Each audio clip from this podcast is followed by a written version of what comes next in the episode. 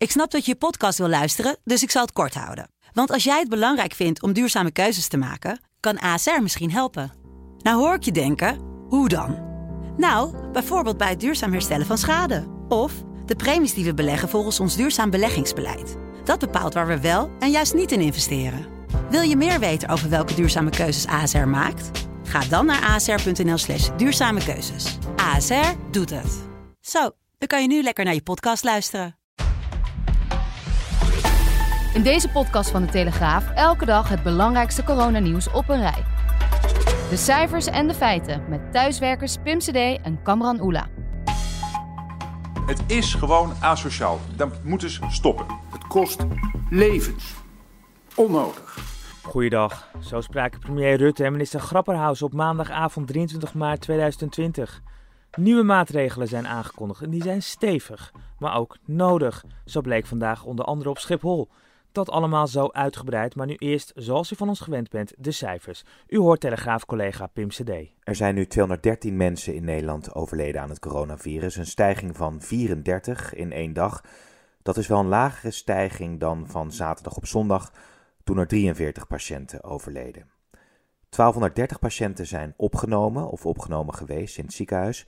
Het aantal geregistreerde besmettingen is met 545 toegenomen tot 4749. Het crisisteam van het kabinet kwam deze maandag weer bijeen en kondigde na afloop drastische maatregelen aan.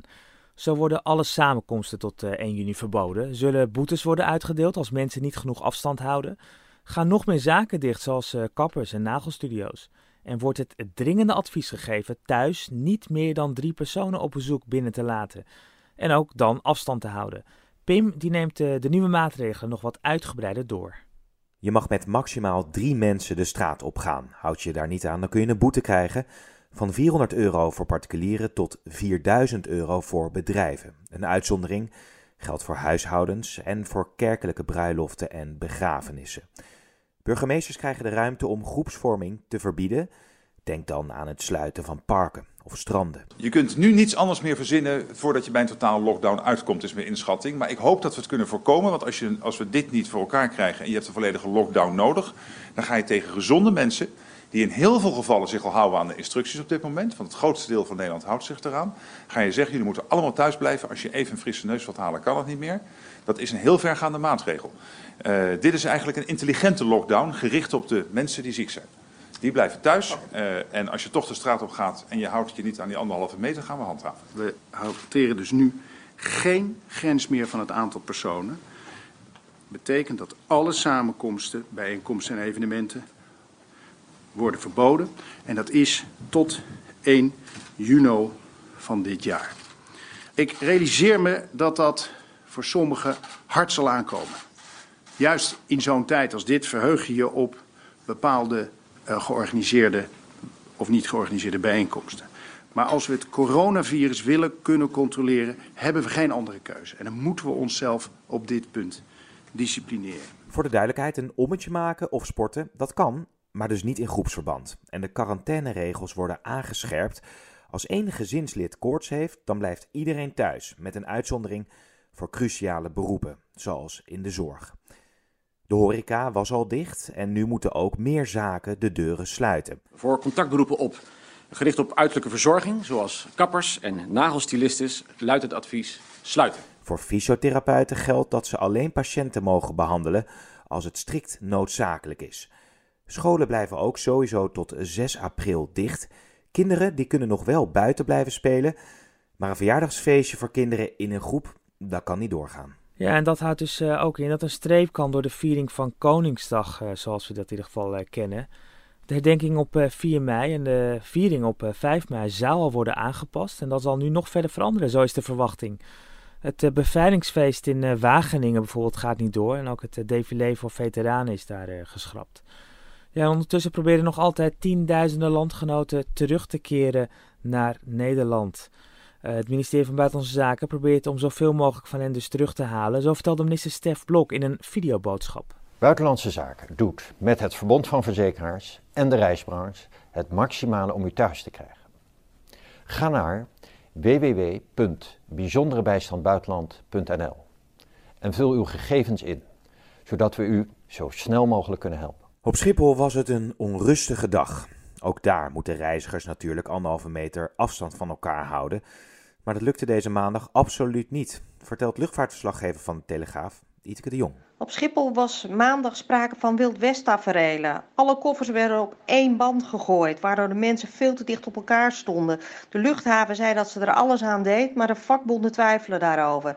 En wat ook zo raar is, het mysterie van de afgelopen weken, dat aankomende passagiers nog steeds niet op corona worden gecontroleerd. Dus mensen die nu aankomen vanuit besmettingshaarden zoals Italië of Spanje, die kunnen gewoon als ze niets voelen of zelf niet denken ziek te zijn, gewoon doorlopen, lekker naar huis. Ook onder de stewardessen van KLM is onrust omdat ze vinden dat ze niet genoeg beschermd zijn tijdens de repatriëringsvluchten. KLM probeert wat het mogelijke te doen, onder meer door minimale catering, maar iedereen zit toch hutje-mutje in dat vliegtuig. Een dilemma is om de passagiers anderhalve meter uit elkaar te zetten. Nou ja, op veel vluchten kan dat niet, omdat er gewoon heel veel mensen nog terug moeten richting Amsterdam. Dan Corendon. De reisorganisatie heeft als eerste besloten alle vakanties tot 1 juni te schrappen. Iedereen die via Corendon zijn meivakantie heeft geboekt, gaat dus niet. Klanten krijgen vouchers voor het uitgegeven bedrag. Je geld terugkrijgen, dat is niet mogelijk door de uitzonderlijke situatie. Dat zegt tenminste Corendon. 1 juni, het Pinksterweekend. We hoorden die datum bij de maatregelen en ook in de reisbranche dus. Een datum die voor de zorg heel ver lijkt. Zij leven op dit moment werkelijk van dag tot dag en soms zelfs van uur tot uur. De druk is nu zo groot dat ook elders opvang wordt geregeld. Ja, Kamran, en daar spelen de hotelketens Van der Valk en Fletcher een belangrijke rol in, want zij gaan door het hele land coronapatiënten opvangen. Het gaat om mensen die niet opgenomen hoeven te worden, maar weer te ziek zijn om thuis te blijven. En het moet de druk op huisartsen en ziekenhuizen verlagen.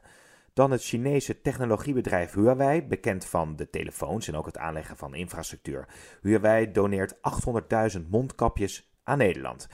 En bij het Erasmus Medisch Centrum zijn de eerste 200.000 kapjes al overgedragen aan minister Hugo de Jonge van Volksgezondheid. We hoorden het al bij de maatregelen. We houden ons lang niet allemaal goed aan de regels.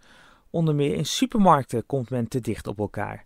Vakbond de CNV die sloeg vandaag alarm tegenover de Telegraaf. Pim. Premier Rutte zag het vorige week al met eigen ogen in één supermarkt, maar het blijkt in heel Nederland een probleem. Klanten die houden zich nauwelijks aan de regel om anderhalve meter afstand te houden. Ook niet van het personeel. CNV-voorzitter Fortuyn die sloeg vandaag alarm. Als we niets doen, dan vormen supermarktmedewerkers een broeinest voor razendsnelle coronaverspreiding. Ingrijpen is vereist. Nou, er zijn nu wel meer maatregelen genomen door het kabinet in elk geval.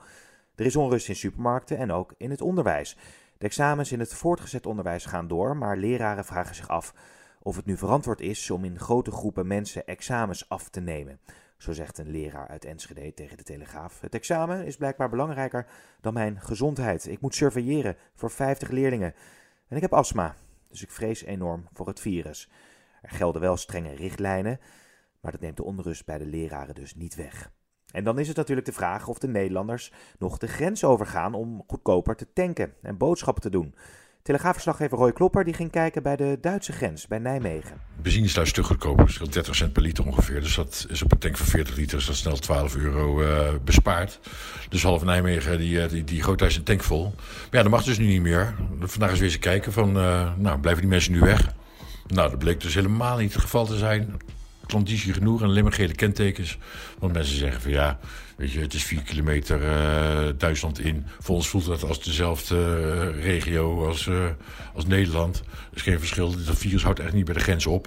Dus wij voelen ons geen, helemaal niet bezwaard om hier te gaan tanken. Hetzelfde geldt voor de supermarkten. Mensen staan daar uitgebreid wijn in te slaan. Uh, zeggen van ja, dat is in Duitsland goedkoper. Wat kan het kwaad? Uh, als we afstand houden, dan is er eigenlijk helemaal niks aan de hand. In Duitsland lukt het dus nog wel, maar de Belgische grens die zit, als het goed is, op slot. Telegraaf-videojournalist Rick de Graaf die maakte er een reportage over, te zien op telegraaf.nl. En hij vertelt wat hij meemaakte. De meeste Nederlanders die we spreken, die hebben online gelezen dat het in Baarle-Nassau juist nog allemaal prima te doen is. Maar ze staan hier op heel veel plekken te controleren. En uh, er zijn er Nederlanders die gewoon weer terug moeten. Het meest bizarre was gewoon een stel die helemaal uit Rotterdam hier naartoe waren gekomen om een pak check te halen. Uh, dat schijnt hier ook een stuk goedkoper te zijn. En uh, ja, goed, die kregen ook nul op gekest. Konden gelijk omkeren. En zeer chagrijnig, kan ik je wel vertellen, weer terug naar huis. Dus ja goed, het is nog niet helemaal bij iedereen aangekomen dat, dit, dat die maatregelen er zijn. de grens zit echt op slot. Uh, je moet echt een hele goede reden hebben om daar nog doorheen te mogen. En komen tanken of in dit geval check halen is er echt niet meer bij. Dan onze dagelijkse blik over de grenzen. De cijfers in Spanje zijn nog altijd weinig rooskleurig. In Italië begint men voorzichtig aan te hopen. Pim die neemt ons mee naar die landen. Spanje maakt zich op voor nog veel meer ziekenhuisopnamen en ook sterfgevallen. Volgens premier Pedro Sanchez moet de schadelijke golf nog komen. En dat terwijl er in één dag 462 doden bij zijn gekomen. 2182 mensen zijn nu overleden aan het coronavirus in Spanje. Het aantal bevestigde besmettingen is gestegen naar ruim 33.000. Spanje heeft zondag overigens al meer maatregelen genomen. De noodtoestand is verlengd tot 12 april. Vliegvelden en havens daar zijn praktisch dicht. In Italië overleden de afgelopen dag 601 mensen aan het coronavirus. Dat is wel een kleine afname, want zondag waren dat er 651. Het aantal nieuwe besmettingen 4789 en dat is 771 minder dan zondag. Dan een bericht dat hoop geeft, ook vanuit Italië. Een hoogbejaarde vrouw van 95, Alma Clara heet ze, is door artsen genezen verklaard. Op 5 maart werd ze in het ziekenhuis opgenomen met corona. En nu zegt ze: Ik maak het goed. Het waren professionele mensen die goed voor me hebben gezorgd.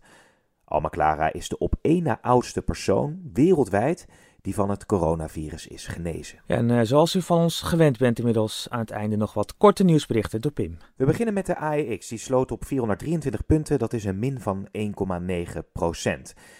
Nederlandse supermarkten dan, die hebben in de tweede week van maart 35 procent meer omgezet dan in dezelfde week een jaar eerder. De omzet was zelfs hoger dan de week voor kerst. Populair waren vooral rijst, pasta, eten uit blik en diepvriesproducten. Dan sportnieuws. Het begint er steeds meer op te lijken dat de Olympische Spelen worden uitgesteld. Dick Pound, prominent lid van het Internationaal Olympisch Comité, heeft tegen de krant USA Today gezegd dat de Spelen niet op de geplande datum van 24 juli gaan beginnen. En mocht het nou nog steeds niet duidelijk zijn, ook niet na deze podcast, dat je toch echt anderhalve meter afstand moet houden. Nou, Ali B en Jan Dino die maakt het samen nog maar eens duidelijk in dit nummer. Anderhalf meter, anderhalf, ik zeg anderhalf meter. Kom je me ora, bitch. Anderhalf meter, anderhalf, ik zeg anderhalf meter. Kom je me ora, bitch. Ja, zo blijft de creativiteit in ons land maar groeien.